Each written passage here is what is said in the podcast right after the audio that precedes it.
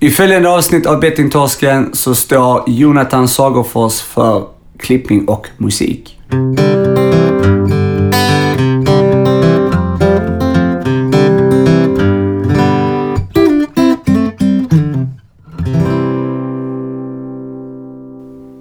Hej och välkommen till Bettingtorsken avsnitt 5.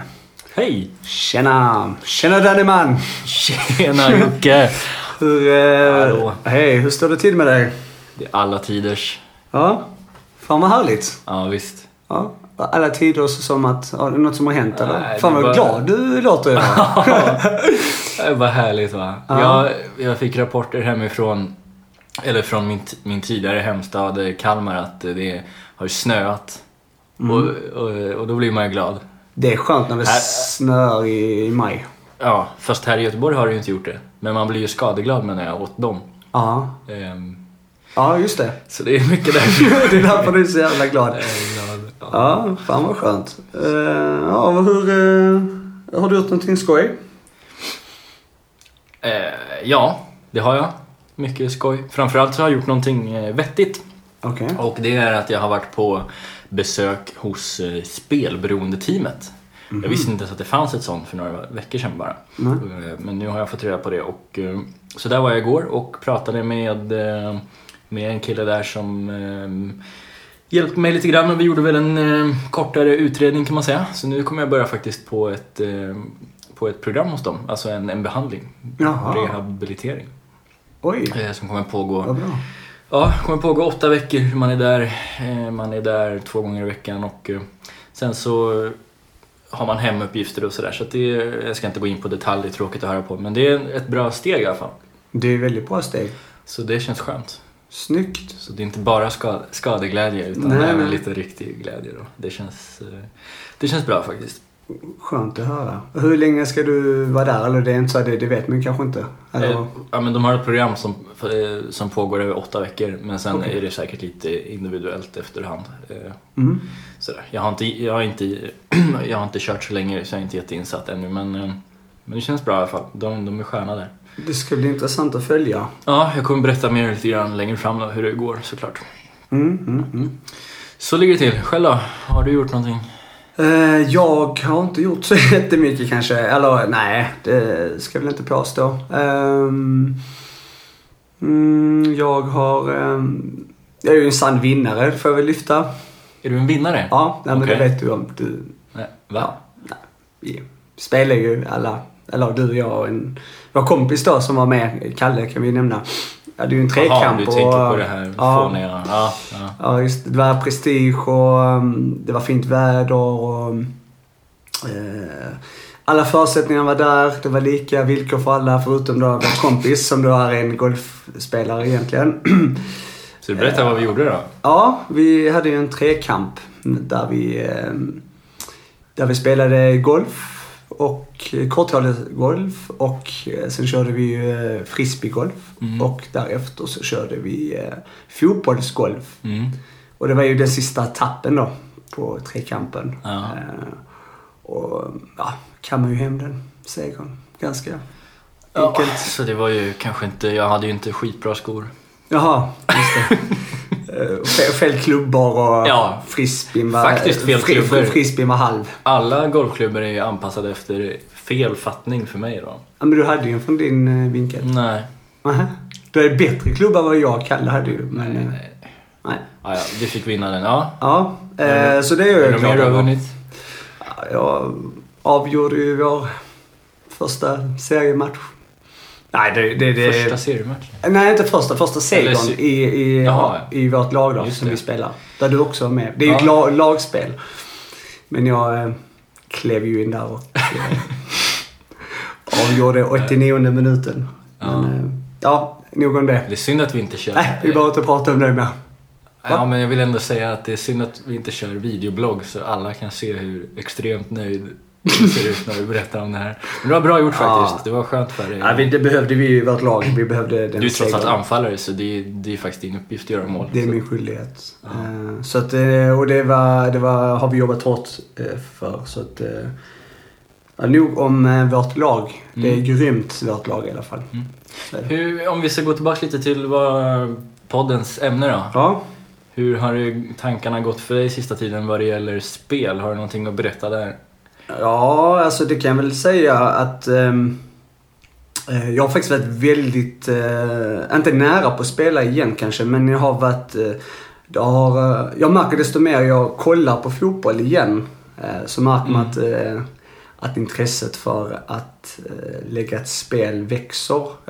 För att man, Du har kommit igång lite grann och kollat mer matcher och sådär? Ja, jag har kollat en del och varit en del intressanta matcher. Många av de större ligorna nu kommer ju avgöras så då är det ju mer som sätts på spel eller vad man säger. Mm. Och då har det ju varit många intressanta matcher att kolla på och ehm, eh, och eh, vad heter det ehm, eh, och det har ju blivit att man har ju liksom haft känslan av att så här kommer det gå och så här och då, då av den ja, det kan man väl säga. Då, då har man ju liksom blivit mer intresserad av att kunna då spela exempelvis. Oddsen kommer ju hela tiden. De kommer ju i halvtid. De kommer ju under matchens gång och, och, Mm. och um, Så det har varit lite tufft eh, att hålla sig från um, det kan man väl säga. Mm. Eh, och du själv då? Har du just i ämnet om spel, har du um, hur har det känts för dig nu de, den här tiden? Du har ju sagt, du berättade precis här att du hade varit på, um, att du påbörjat din behandling där men har just, ja. Eh, Ja, det har varit eh, lite liknande som, eh, som du faktiskt. Det, har ju man, det går ju väldigt mycket upp och ner alltså, och egentligen på samma sätt som det gjorde när man spelade då, att helgerna var ju höjdpunkten. Mm. Så blir det ju svårare på helgerna nu när man vet, man är ju ändå intresserad och man... Jag, jag gjorde inte riktigt likadant som du, att du kopplade bort dig eh, egentligen helt och hållet från matcherna när du slutade. Jag fortsatte ha lite koll och Ja, jag, kan, jag ska inte säga direkt att det har varit nära heller men det, det är såklart att det går upp och ner hela tiden. Jag har försökt att... Det är också en del i när, man, när jag var på det här spelberoendeteamet så det är sådana där små saker hela tiden som, som vi också har fått höra från andra att man måste göra. Påminna sig hela tiden om att man faktiskt eh, har ett problem. Mm. Eh, jag fick bland annat svara på en massa frågor, eh, en sån här undersökning man gör när man kommer till det här teamet och jag hade ju bara, jag svarade nej på en fråga bara, resten svarade jag ja på och enligt deras eh, ja, system så är jag ju en, eh, liksom, en absolut, liksom, eller alltså, allvarligt spel, eh, har ett allvarligt spelproblem. Liksom. Så Mm. där fick man det återigen svart på vitt. Så det, det, det hjälper faktiskt väldigt bra att påminna sig. Men vad är de, de här då frågorna som vi hade också i förra avsnitt här eh, som vi kommer också prata Det var inte om. riktigt samma, det var en del, de liknade det- det fast det var mycket annat också. Punkten om liksom symptom för Ah. att tolkas. Och du hade fullt på Ja, full pott utom en då, att de, de frågade om man har stulit, det här är sista, vad man har gjort sista året. Jag berättade i ett tidigare avsnitt att jag, att jag eh, hade, att jag spelat på min mammas kreditkort. Men det är Mm. då, ti, vad blir det, nio år sedan jag var 18. Mm. Och det har jag inte gjort sedan dess, så det var den enda som jag svarade nej på. Eh, annars hade jag liksom full pott, så att säga. Det låter ju bra, men det är inte så bra just i det det- fallet. Så att, ja, man måste påminna sig hela tiden. Det är jätteviktigt. Ja. Du, eh, vet du vi hade ju de här punkterna förra veckan och jag tänker vi kan fortsätta med dem. Där är ju, eh, bara för att fördjupa oss lite igen om, eh, för lyssnarna om de känner igen sig, eller anhöriga, om de känner igen sig i de här symptomen som vi då precis pratade om här. Mm. Och då har vi nog två punkter vi kan, kan ta ut och lyfta. Och, um, och då är en här att um, om man då känner att man eh, blir rastlös eller irriterad när eh, du försöker sluta spela och eller, el- eller då spela mindre. Mm.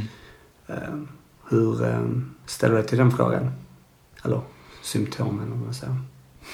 Ja, det, den är, är ju alla de här intressanta, men den tycker jag är extra intressant för det, det tror jag är ett problem för väldigt många. När man är inne i spelandet, nu talar jag för mig själv men jag tror att många känner igen sig att det är ju en, eh, en aktivitet som man gör som man efterhand lägger väldigt, väldigt mycket tid på.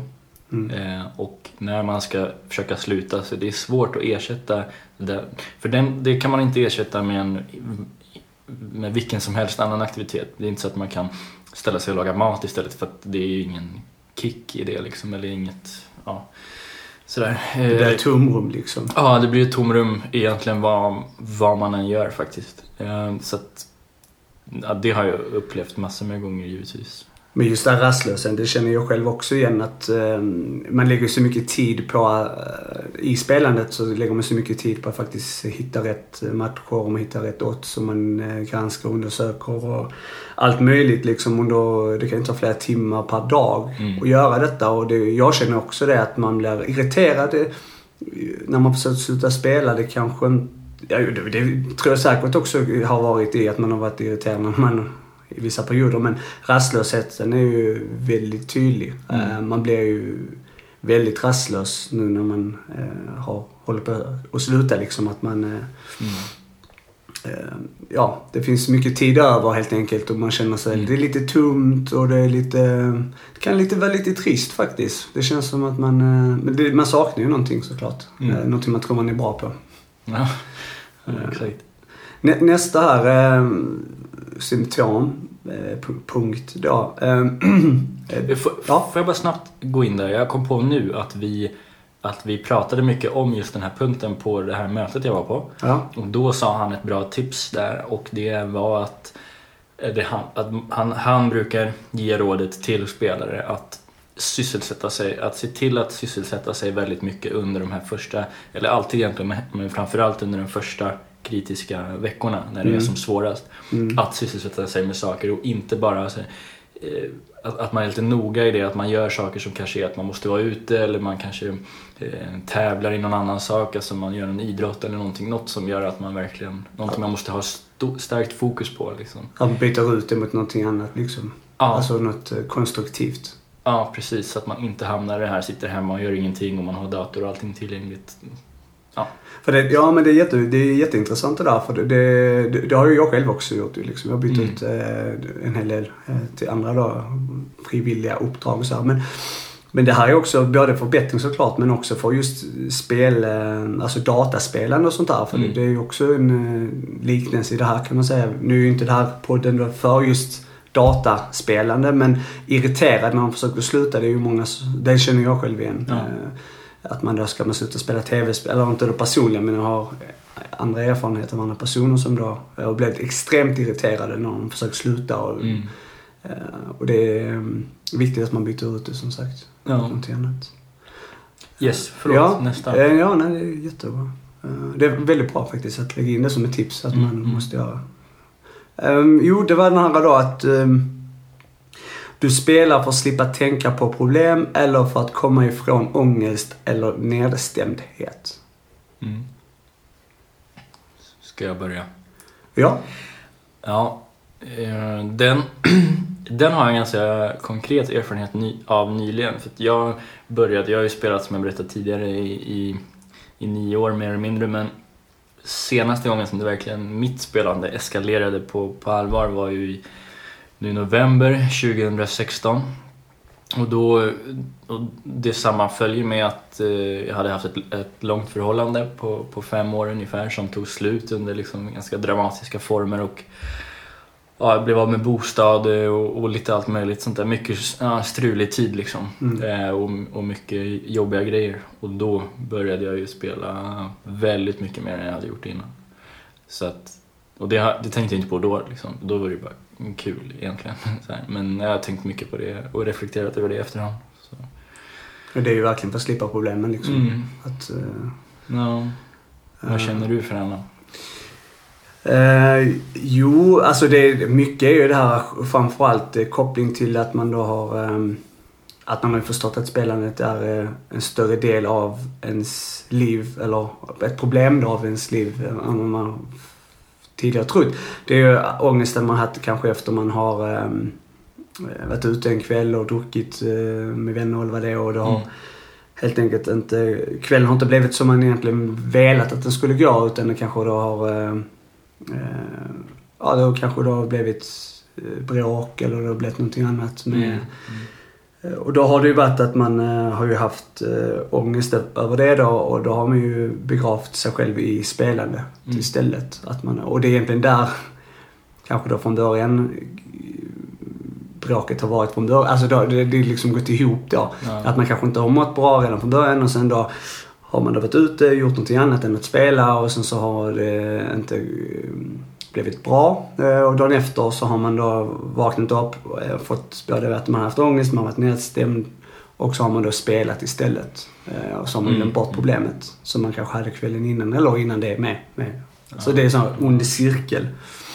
Så att jag har ju självklart också ett stort ja på den där att jag känner är symptom av att slippa tänka på problemen eller ha gjort tidigare och, och, ehm, och spelat istället för att komma ifrån ångesten nästan Mm. ut. Så att, eh, ja. Det känner man igen sig i. Ja, tyvärr. Ehm, Ska vi, ehm, ska vi ehm, ta in dagens gäst kanske? Absolut. Verkligen, det tycker jag. Vi har ju med oss en person som är eh, finlandssvensk eller vad man säger. Ja. Eh, Väldigt härlig kille, tycker jag. Eh, Johan Carento, filmregissör. Ja. Från Åland va? Från Åland, boende i Göteborg. Eh, Just det. Det får vi höra alldeles strax. Men vi kan väl bara välkomna in Johan Carento. Yes. Ja.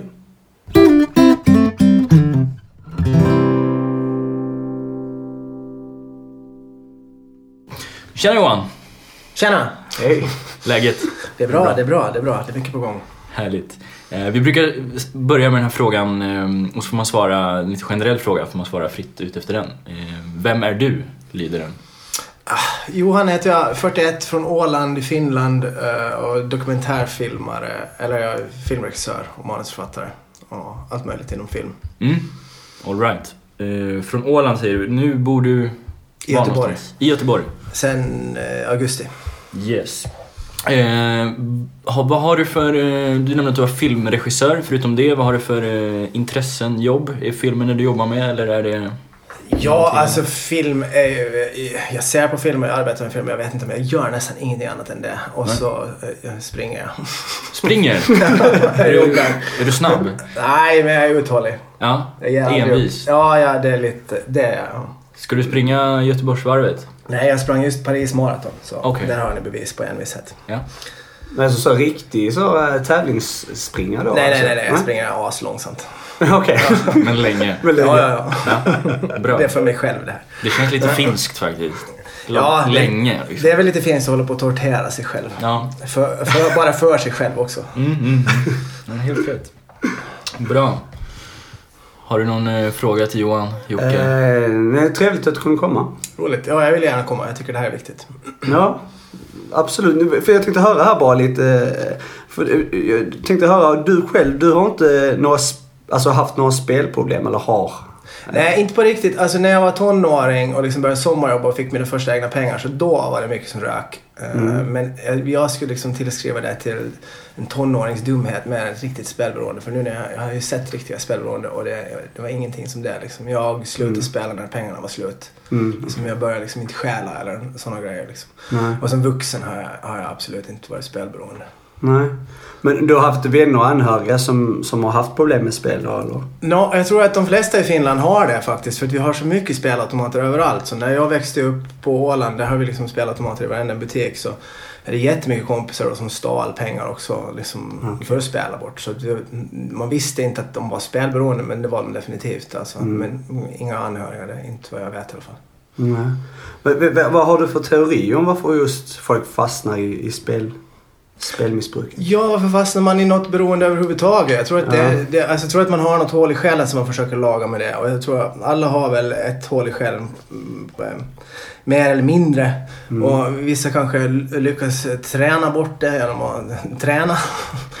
Men alltså jag tror att, eh, jag vet inte om jag har något, varför blir man alkoholmissbrukare liksom? Jag tror att det finns ganska bra svar där och jag tror att det är samma anledningar som man blir spelmissbrukare också Mm. ensamhet liksom. Uh, fördriva tiden eller försvinna från verkligheten liksom. Alltså att, att, att komma bort från det som gör ont liksom. Det, är- det är väl därför man går in i en i drogmissbruk också. Mm. Men, eh, alltså det är en helt annan fråga just men, men eh, i och med att du håller ju på nu en hel del om framförallt med Out of Control som jag tänkte prata om lite sen. eh, Ja, min, min film ja. ja. Precis. Ehm, men en annan här bara, din, alltså har du själv då, eller vad är din åsikt om Eh, offentliga personer som eh, gör reklam för spelbolag och så här och står som ambassadörer. Alltså jag kan ju förstå att de har svårt att säga nej till pengarna liksom sådär, för det är ju mycket pengar som de får alltså i, i, som lön då för att göra de här grejerna. Men alltså, jag vet inte. Jag ska inte göra det men uh, jag, tror, jag tror att problemet med det är att folk liksom inte är insatta i hur det kan drabba vissa människor och därför så tänker man att det här är oförargligt. För att spelbolagen säljer det ganska bra också som en oför- oförargligt tidsfördriv, vilket det är för ganska många inte är, utan det är ett fängelse. Mm. Mm. Ja, vi, vi har ju diskuterat det där mycket och vi var faktiskt inne på samma sak här för några timmar sedan att de inte, de inte vet. Vi pratade ju om, om att det har blivit en, nästan som en trend sista tiden i Sverige att det är väldigt många offentliga personer som gör reklam för spelbolagen. Det verkar Ja, finnas... Frank Andersson till exempel. Va? Exempelvis, vi har, vi har ju Men hur flera... mycket tänker han sen på annat också? Det kan man ju också fråga sig. Ja, Alltså, ja, precis. vad är hans fokus? Nej, men, men man får ju bara utgå ifrån att han är en bra människa och anta att han inte har koll på vad han faktiskt gör. Men det är ju intressant, man kan jämföra det med att det står någon jättekändis och gör reklam för sprit. Liksom. Det är ju exakt samma sak. Ja, skulle liksom Benny Andersson göra reklam för Marlboro Lights liksom? Nej, det hade ju varit, det är ju otänkbart liksom. Det är otänkbart. Alltså. Och snart kommer det här att vara otänkbart också, det tror jag. Mm, mm, förhoppningsvis. Jag ska bara snabbt vika in där, gå tillbaks lite grann. Du sa att du, du hade inte direkt några spelberoendeproblem förutom att du kastade bort lite pengar när du blev myndig och sådär. Vad var det för, eh, för typ av spel då som fanns? Det var Eh, spelautomater. Alltså, det var automat? Ja. Det var, jag är så pass gammal och det, fann, det var det enda som fanns då. Liksom, Mm. pokerautomater tyckte jag var roligt. Och sen sådana enarmade banditer, de gamla klassikerna. Det Mm. tyckte jag var roligt, kommer jag ihåg. När jag Mm. var. Men det var före jag blev myndig. Alltså, när, det var när Ja, jag var okej. 13 och hade mina första sommarjobb. Då, då right. ryckte eh, de pengarna dit liksom. Och det var inga problem att få tag på en automat som 13-åring? Nej, nej, inga problem. Det var lika lätt som att få tag på cigaretter. Alltså, Mm. alltså, däremot alkohol är ju svårt att få tag på när du är 13. Ja. Hur, hur kommer det sig? Mm ja, intressant.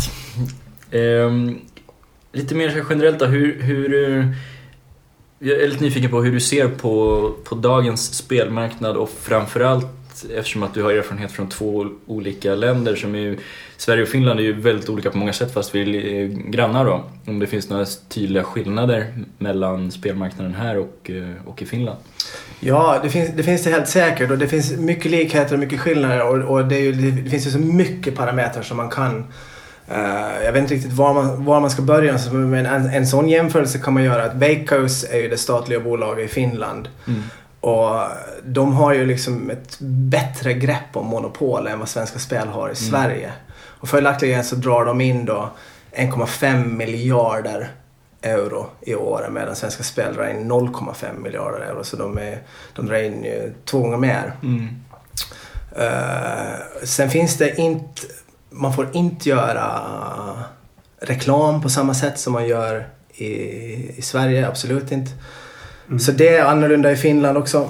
Eh, här så eh, har ju liksom media också börjat leva på, alltså i takt med att pressstödet har sjunkit. Mm. Till, jag tror att, nu kommer jag inte ihåg siffrorna, eh, jag tror det är 0,5 miljarder kronor uh, har pressstödet sjunkit till. Och i samma takt så har liksom annonsintäkterna från spelbolagen och hos tidningarna stigit till en miljard. Det här kan man till och med läsa på, på, på BOS hemsida, alltså spellobbyns hemsida. Där skryter de om det här. Så media i Sverige har ju till exempel gjort sig beroende av spelpengarna. Mm. Och inte desto mindre i Finland så där är också vi alla beroende av de här spelpengarna eftersom det är så stor summa. Mm. Mm. Men vad det egentligen handlar om och som många också kallar det för är en regressiv beskattning. Där man, liksom, man beskattar de som har det sämst egentligen. För det är oftast de som faller till att börja spela. Ja. Liksom. Men, hur- men hur ser just kontrollerna och sånt där ut? Alltså är det tydliga kontroller på hur man spelar i Finland ändå jämfört med Sverige? Nå, enligt Social och hälsovårdsministeriet, alltså jag, har, jag, jag har inte själv kund på Veikkaus, men enligt Social och hälsovårdsministeriet så har de obligatoriska gränser på det finska spelbolaget. Mm. När du börjar, före du börjar spela måste du bestämma hur mycket du vill förlora. Du är beredd att förlora per vecka, per månad, per år. Mm, Okej. Eh, och sen tror jag inte heller du får föra över pengar på nätterna för det har de märkt att spelmissbrukare gör liksom, så då, då, då stänger de av det. Du kan spela på nätterna men du kan inte föra över pengar på nätterna. Okej. Eh, Så, och de förlorar jättemycket pengar på att ha de här obligatoriska gränserna. Så det är ju någonting som inga andra spelbolag ens pratar om. De säger gärna att, att ja, men du kan sätta in dina egna gränser. Men det är ungefär som att säga, alltså har ni någonsin hört en heroindealer säga till, sin, till, till en missbrukare liksom så här, ja men säg stopp sen när du inte vill ha mera liksom. Alltså, det funkar inte med missbruk att ha eh, frivilliga gränser. Mm. ytterligare bara bevis på hur dålig koll man har generellt på det här. Och på Svenska Spel, där kan du ju till exempel sätta en eh, veckolimit liksom. Men sen, när kan man ändra den? Är det en Men månad kan, senare? ja, nej, du kan ju ändra den hela tiden. Alltså, det, du, men det tar viss, några dagar innan den nya några dagar, ändringen går in. Precis. Men det är ju ingenting liksom. Nej, så veckokont- alltså själva de här veckobudgetarna eller vad det gränserna, de kan man ju hela tiden ändra. Mm. Eh, från 10 000 till 5 spänn. Mm. Eh, dag för dag. Ja, men, och så beter man ju sig som en eh, missbrukare också. Man, alltså, alla, Där borde det alla, vara signaler liksom, tycker jag. Vad sa du? Där borde det vara signaler egentligen. Ja. Alltså om, om då exempelvis ett eh, så, Svenska Spel eller vad som helst. De ser att man då reglerar sin egen gräns. Eh, nästan dag för dag. Mm. Ja. För att man ska kunna spela mer. Där borde ju vara en signal som säger liksom, nu är det Mm. något som inte stämmer. Det är en lika tydlig signal som när du försöker sluta röka och du går i fimpburken och letar gamla Ja, fimpar det, liksom, för att du blir sugen. Liksom, så här. Ja. Det känner vi till allihopa. Nej. Skämt du-. Där har man varit. Ja, precis. Eh, Du nämnde ganska nyligen att eh, de, det statliga finska spelbolaget, jag ska inte ge mig på att säga vad de heter. Veikkaus heter de. Veikkaus. Mm. Veikkaus. Ja. Eh, de, att de har bättre, en starkare ställning än, än Svenska Spel. Är det också, tar det sig uttryck i att det är svårare från en, i, alltså i Finland att kanske bli medlem på de här mer obskyra utländska bolagen? Eh, Det, det kan jag inte svara på, det vet jag faktiskt inte. Nej. Eh, Det tar sig, eh, det är ju uttryckt att, att Veikkaus har ett järngrepp om den finska marknaden. Det är ju liksom, Mm. Eh, och, det kan hända att jag säger fel siffror nu men jag tror att det är det 4% som går till andra bolag eller det är 8%, jag kommer inte ihåg exakt. Okej. Men eh, de är ju allting liksom. Och de har ju spelautomater i varenda en kiosk. De har spel på automater i varenda en butik. Mm. I sjukhuskafeterior. Och jag menar som butiksägare är det också svårt att säga nej till en spelautomat. För två Såklart. spelautomater drar in lika mycket. Alltså de kan betala Mm. lönen för en anställd. Liksom, så. Hur säger man nej Alltså, till det finns överallt i spelautomater. Överallt. Överallt. Så är det inte alls här. Alltså, Nej, då är det väl en pizzeria så sitter alla kidsen där tänkte jag säga och Ja, spelar. det är ofta på pizzerierna och sådär, men en vanlig ICA-butik, man kan ju spela visst på någon häst och sådär, men det är inte så att Ja. det står en Jack Vegas-maskin och... Nej, nej. Det var ju intressant I, alltså. på, finska, på, på, Lidl, på ett Lidl i Helsingfors så kan du liksom när du pantar tomglas så kan du välja att spela för de där pengarna och ge det till Rädda Barnen då. Men alltså gissa om de där som gör den, den automaten tar lite overhead liksom för, Mm. för det där. Mm, mm. Alltså, Det är ju helt sjukt. Men det tror jag, det har vi här också va? Man väljer, i alla fall finns det i Norge. Jo, men att man Nej. kan spela för dem. Jo, men man kan ju välja antingen så kan du ju chansa på att vinna någon summa. Bara eh, en Ja, summa det som har kommit i in av... Norge vet jag det fanns. Ja, i Norge är det jättevanligt. För då finns det två olika knappar, eller hur? Ja. En för välgörenhet och så en för spel. ja. Ja, alltså, och en men att alltså, pengar väl, tror jag. Eller? Ja, vanlig få ut sin Men vad gör du då? Om du lever på ett samlat tomglas och så kommer du och så st- ställer, st- ställs du liksom, när, när du li- liksom lever så, har det så knapert liksom, och Mm. någon frågar dig, vill du ha 3 euro eller 6 euro? Så här, ah fan jag chansar liksom. Så här, Mm. Och så får man 0 euro liksom. Ja. Så har du jobbat en hel dag med dina burkar. Jag har gått och samlat tomglas och de pengarna ska de också ha liksom, från, Mm. någon, liksom, från någon uteliggare. Mm. Alltså, Ja. Ja. Det är fint. ja, det är fan sjukt. ja, alltså. inga mycket eller? Om vi ska gå in lite på, på den här dokumentären som du håller på med nu då. Mm. Du säger i, eh, i din trailer att finska filmer finansieras av spelbolag. Det stämmer ja. Vill du utveckla det lite mer detaljerat vad du menar med det? Ja, alltså det finns ju... Eh, det är så som man producerar film i Finland och i Sverige också så finns det ett filminstitut och de här eh, pengarna kommer direkt från eh, spelpengar i Finland. Mhm. I Sverige så kan det hända att det gör det men i Sverige är det inte, mer ut, är det inte, är det inte lika uttalat vart de här spelpengarna går i samhället utan det verkar mer som att de bara skjuts in i budgeten och sen sprids de överallt. Mm. Så den här vägen utanför kan ju också vara byggd av spelpengar. Det vet man inte. Men i Finland vet man att eh, Finlands filminstitut de eh, finansieras av de här spelpengarna. Mm. Så min film finansieras ju också då av spelpengar. Mm. Eh, så det är också, det, allting är lite komplicerat och invecklat. Mm. Jag förstår. Men eh, alltså, så att det är alltid så liksom. Om man gör film i Finland så, så får man pengar från spelbolagen. Alltså. Så är det. Om du finansierar så finns Filminstitutet, då är det spelpengar. Mhm. Och under Filminstitutet finns det till exempel en, en ljud, eh, ljudmixarfirma som nyligen där det nyligen kom fram att en av de eh, ägarna där, eller en av de anställda där hade liksom stulit en miljon euro och spelat bort allting. Så det var liksom i själva byggnaden också. Filminstitutet. Så gick du tillbaka till spelbolagen igen då? Ja, det är rörigt. Alltså, Men är det någon pågående liksom, debatt eller vad, vad tycker folk om det? Har det alltid varit? Eller har det varit så lång tid? Eller hur, liksom, Nej, jag vet inte hur nytt? länge det har pågått, alltså, att, att film är finansierad av spelpengar. Mm. Nej, det vet jag faktiskt inte. Men det är ju inte, det är inte jätteovanligt. Det går, i, I England är det, är det likadant. Om du tänker det. om vi säger brittiska filmer så står det Lottery Funded i början. Mhm. För då när de, när de är finansierade, jag tror det är British Film Institute och så är det, är det deras lotterifond som finansierar det.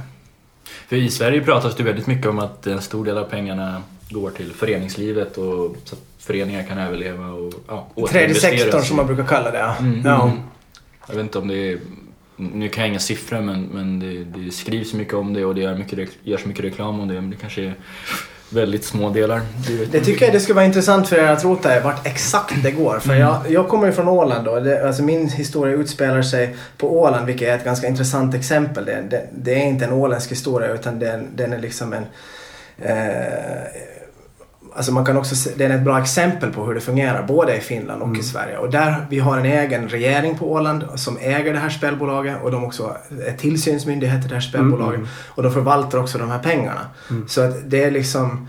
ehm, och, och där heter det också att de här pengarna ska gå till tredje sektorn. Det är idrottsföreningar, fotbollslag och fågelskådare och kultur. Och min film har också fått pengar från, från åländska spelpengar. Men sen finns det också, de har börjat använda det till annat också. Al- Alltså att, att eh, lappa andra hål. Liksom. De har byggt en uh, geriatrisk klinik och det är ju också allting bra grejer. Det är ju därför också som hemskt få människor vill börja rucka på det här systemet för det Mm. går till hemskt viktiga saker i samhället som har svårt att finansiera sig själva annars. Liksom.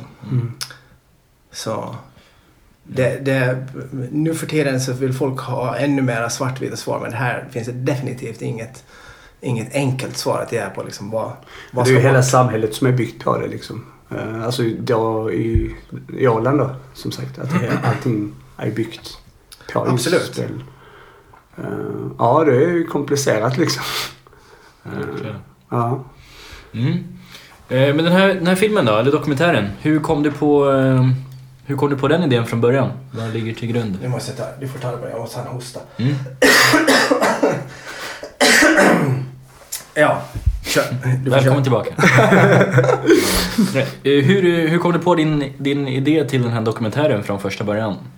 No, från början var det så att det var eh, en kvinna då i 50-årsåldern som, som åker fast för att ha liksom stulit över 800 000 euro från sina kunder på, på en liten plats liksom och hon ska hamna i fängelse och allt möjligt. Och, och det här, alltså som, som boende på den här lilla orten så var det ju det som intresserade mig först. Liksom, så här, hur, hur tar man sig ur det här liksom, Mm. när man har gjort en sån här Alltså, folk har ju blivit fördrivna från små orter för mindre liksom. Mhm. Så det var det som intresserade mig från början. Och sen, men sen när jag började träffa henne då, jag började träffa henne när hon satt i fängelse. Så efter att jag började träffa henne så kom ju liksom den här spelproblematiken så hårt emot. Det gick liksom inte att värja sig för det. Och sen Mm. blev jag mer och mer intresserad för hur drabbade liksom hennes kunder och vad är det för system som vi har och är det någon, är det någon av de styrande som har begått något fel eller misstag eller hur, vad, vad, vad, vad, är det som, vad är det som händer här egentligen? Och Mm. Den här historien har blivit intressantare och intressantare. Nu, nu står de ju åtalade för penningtvätt. Alltså det här åländska bolaget Paf. Okej. Och deras förra vd. Mhm. Så, och det är första gången i Finland som det händer så vitt jag vet. Jag vet inte hur det är i Sverige men jag tror inte att något spelbolag har blivit åtalat för penningtvätt här ännu. Eller har de det? Har det hänt? Inte vad jag vet. Har du De- hört något? Nej, de sitter väl i Malta allihopa. Med, Nej, med men, sina egna spel, pengar. men det är ju liksom Ja, Svenska Spel, men, nej, men, det var, varje gång som, som en spelare stjäl pengar och Ja. spelar för det. Ja, så då är det. det ju penningtvätt som gör sig skyldiga till. Just det. Och de har, åtminstone enligt finsk lag, så har de ju liksom vissa skyldigheter att känna till vissa saker om sina kunder. Liksom. Ja. Och har de liksom en, eh, en bokförare som spelar för 800 000 euro eller till exempel för 152 000 euro under en månad. Så då borde det ringa någon slags varningsklocka att vänta nu, har, har den här personen så här mycket pengar? Ja. Mm. Ja, galet. Jag har inte hört något liknande faktiskt, men det är väl bara en tidsfråga antagligen. Ja, jag, jag brukar liksom för mig själv då ställa frågan och jag ställer den också till, till eh, statsåklagaren i Finland. Liksom sådär, att, att om ett bolag blir dömt för penningtvätt och det är första gången, borde inte liksom de andra börja fundera på att se om sitt hus? Då? Borde de inte bli skraja? Och han säger ja, nej. Jag pratar också med andra spel, folk som jobbar på andra spelbolag och de, Mm. låts, de säger nej, det är någonting vi bryr oss om. Men jag tänker att ja, jag skulle nog bry mig om, om Mm. Ja. om andra dokumentärfilmare plötsligt blev åtalade för eh, eh, Mm. att de gör samma saker som jag gör till exempel. Självklart. Så det, Men det, för din film, det, det heter Out of Control va? Lite Ja. reklam. Mm. Eh, hur går det? För det är, just nu är det ju en insam, du insamlingskampanj. den är slut. Alltså vi, är slut. Vi, ja, vi hade, det, vi hade ganska höga ambitioner på att få ihop liksom 20 000 euro till det. Men det, det gick inte alls. Vi fick ihop 7 procent. Men jag tror inte att det är jätte... Vi har ju liksom inte mycket annat att erbjuda än en historia. Och jag tror Mm. inte att folk kanske är intresserade av att liksom vara med och finansiera en sån här grej. Så, men det är helt okej. Vi kan göra det färdigt ändå. Okej. Bara att det tar lite längre tid. Ja. Och det, den kommer, är det finskt eller är det finsksvenskt eller hur? Nej, den är, just nu så är den helfinsk. Eh, Ja. Vi har sökt länge efter liksom en svensk koproducent. För vi tror ju att, eller vi vet ju att det här, vi sitter ju här i Sverige och pratar om spelmissbruk. Mm. Det här är ju också aktuellt i Sverige. Mm. Men det är inte jättelätt att få någon med på det här tåget heller. Mm. Alltså, Har vi några finansiärer, finansiärer här som lyssnar så ska de ju absolut höra av sig till dig då. nej, snarare skulle vi vilja ha en koproducent. Alltså ett, ett annat bolag i Sverige Mm. liksom, så här, som, som skulle vilja hoppa på det. För alltså, vi har en, en superintressant historia. Och det är liksom, det här, det här fallet också eh, att de blir åtalade för penningtvätt. Det är liksom, det är nya grejer. Mm. Absolut. Kolla upp det här. Undersök det här Daniel. Namnet har jag förresten härifrån, från en tjej här från eh, Bergsjön faktiskt. Vet ni vem? Ja, vi sitter i Bergsjön idag och, och Ja. spelar in. Leila Kay, Jaha, ah. Electric. hon är i i ropet igen alltså. Är... Nej, det kan jag väl inte Det säga. Alltså, men, men hon är också, alltså, det, det är dubbelt liksom så här, Jag gillar den här titeln och den kommer från en textrad i den där låten Electric. Sen är hon ju också missbrukare liksom. Så här, det, det har också verkligen gått överstyr för henne liksom. Så här, Mm. att Det Ja. också ett skrämmande personöde tycker jag. Det skrevs väl lika mycket om henne en gång i tiden i media som det gör om Zlatan idag ungefär. Det var överallt. Ja, ja, ja. Du nämnde någonting innan som du vill... Eh... Nej men det kanske man ska knyta an det till liksom så här, våran den här... eh, vi, det skulle jag egentligen vilja fråga er också. Så här, får ni Ja. någon form av stöd för att göra den här liksom? Eller är det Mm. liksom... Nej, det, vi, det här sköter vi ju helt och hållet själva. Ja. Vi, vi kör kring här nu med den här resemicken och sen har vi ju vår lilla ministudio. Nej, men eh, det, vi sköter det här själv. Mm. Helt och hållet. Vi gör det själv och vi reser ju. Vi kommer ju också åka till andra orter för att spela in med andra gäster som inte kan ta sig hit då. Eh, Mm. Och det får ju vi finansiera det själva utan eh, vi tycker det är ett viktigt ämne så det är därför vi, eh, vi brinner för Det det. var lite kul faktiskt. Vi, vi snackade om innan vi skulle börja, eller när vi precis hade börjat, om att det hade varit kul att bara om man, eh, om man får något bevis på att man har hjälpt någon bara så hade det varit fantastiskt. Man vet ju Mm. själv hur jävla deppigt det kan vara liksom. Och häromdagen så fick vi vårt första mail ju, Ja. Okej. av en tjej som skrev och jag lyssnade på er podd och det var bra och jag, jag lever med en man som är spelmissbrukare och har någon tips och så vidare. Så att Okej. folk har ju börjat lyssna lite grann i alla fall och det är väldigt kul. Jag tror det är superviktigt att det kommer ut och att liksom det delas åt alla håll som, det bara, som man bara kan. Liksom, så här, här finns en film eller här finns en podd Mm. eller här finns information. Liksom, så här, för att det,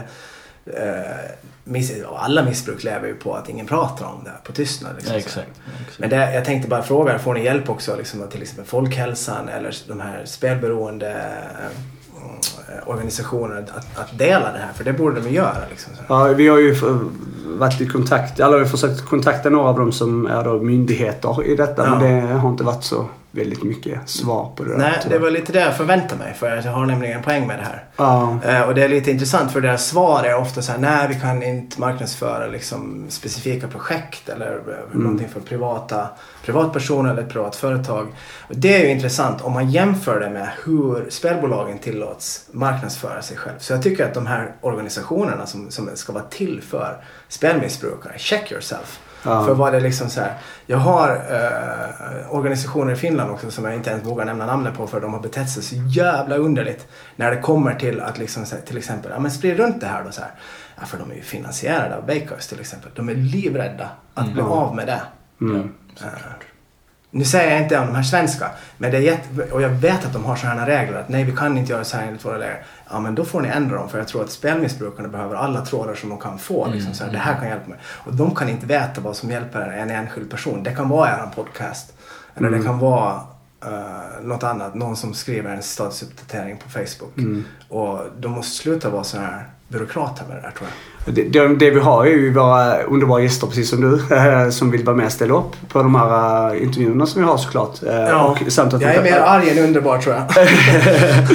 Eh, Men sen också det att det sprids ju via deras kanaler också. Så här, och målet är väl att kunna ha alla möjliga människor här. Alla som har haft problem, anhöriga eller som är direkt in, involverade i själva frågan om spelmissbruk men också um, offentliga personer och så vidare som, som vill vara med och dela det här. Eh, Mm.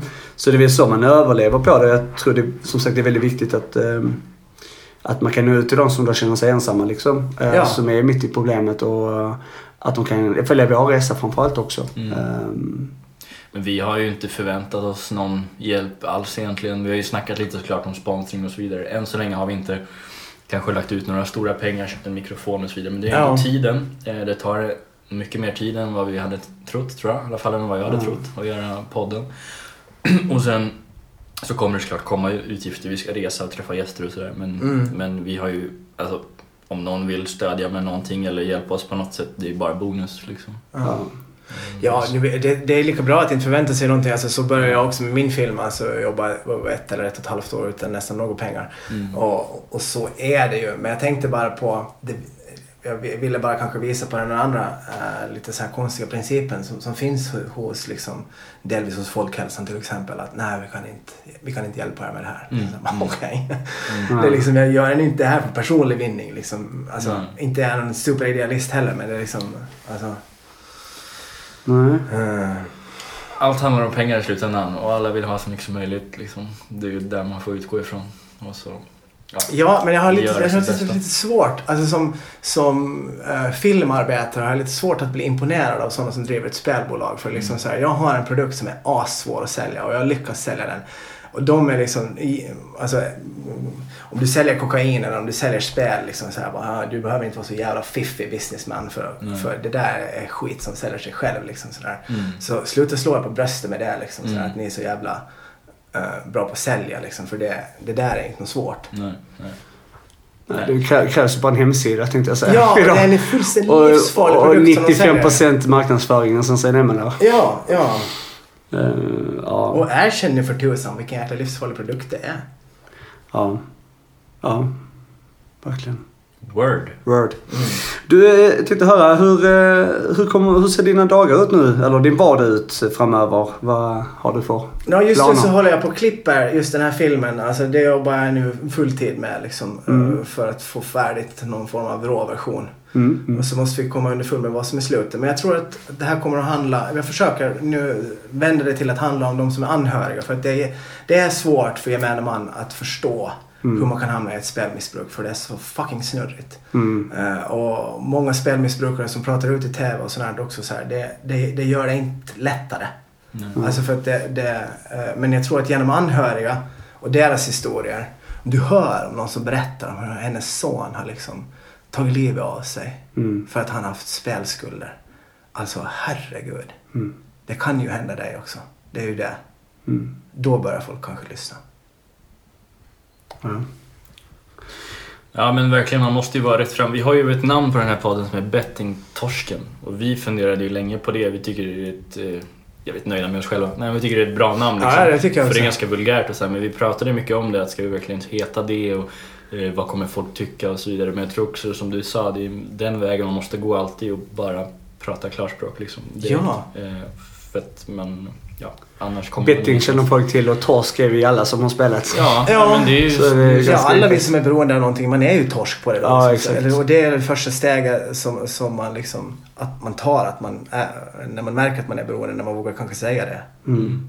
Torsk på Tallinn. Torsk på Italien. Ja. Eh, ja, men du, jag har en sista bara, en liten avrundningsfråga då. Right. Ehm, som jag brukar ställa. Eh, har du några generella rekommendationer i livet till folk? Till folk? Lyssnarna här. Nej, det tycker jag låter farligt. Kör långsamt. Nej. Jag skulle vilja att ni skulle försöka få hit Anders Borg till exempel. Som ju har... eh, Eller rekommendationer är en bok som heter Spela lagom. Mm. Och där kommer det fram hur Anders Borg ganska mycket har motarbetat de privata spelbolagen. Och har varit, de kallar honom för monopolkramare där i Okej. boken. Får jag avbryta snabbt? Vem har skrivit boken? Uh, wow. Du måste googla det. Okej, ja, sorry. Fortsätt. Nu- jag blev nyfiken. Det är två killar. Ni får sp- spela lagom. Eh, in här snabbt. Någonting. Du är så jävla snabb Jocke. Jag vet. Kolla på fingrarna. Man ser dem knappt. Eh, precis. Eh, Adam Svanell och Anton Gustafsson. Mm. Det tycker jag det är jättebra beskrivning av liksom spelhistorien i Sverige. Mm. Och så får man lära sig hur Svenska Spel startade liksom som ett litet lotteri. Och Som de byggde eh, Stockholms stadion, Göteborgs konserthus och Dramaten med de pengarna. Mhm. Så det var, blev ganska lyckat det där lotteriet. Men jag, jag avbröt, jag tyckte det var ett intressant resonemang om Anders Borg. Ja, Moderaten ja. Mm. Som, som spelbolagen då trodde att nu jävlar ska det bli åka av när, när de kom till makten. Men det blev tvärtom. Så jag Mhm. tyckte det var jätteintressant att höra vad han ska ha. Om han har någonting att säga om det här. Han verkar ha någonting. Det är någonting med honom och spel. Mm. Mm. Det är något där. Superbra tips. Ja. Vi har ju mycket av våra, våran hjärnkapacitet går ju åt att fundera ut spännande gäster. Så det var Ja. kanon. Ja, Det, men, finns eh, en annan, ja. Det finns en annan kille här som känner ni till honom som heter Magnus Rydeving. Eh, Ja. Som också är så här spe, eh, en före detta spelare som också är spelcoach. Han har varit spelcoach till den här kvinnan i min eh, film och hjälpte henne. Liksom. Så han, han, hade, han drog det där uh, spelcentret på Kolmården som fanns tidigare. Okej. Heter Jaha, jo men jag känner till honom. Jag, Magnus Rydeving, Mm, ja. Just det, men jag tror han har det fortfarande för att jag, Det kan hända, ja. jag var i kontakt med honom eh, på mail för ett tag sedan. Och då skrev han att numera så driver jag bara det här på Kolmården. ja. Och han tycks inte vara rädd för någonting. Nej, nej. Och det är ju alltid intressant med sådana. Mm. Ja. Han får vi kontakta. Ja. Ja. Men Spela lagom boken Adam Svanell och Anton Gustafsson Ja. rekommenderar du. Ja, absolut. Härligt. Men eh, ja, tackar vi varandra. Härligt. Tack själva. ja, Kul. tack så jättemycket.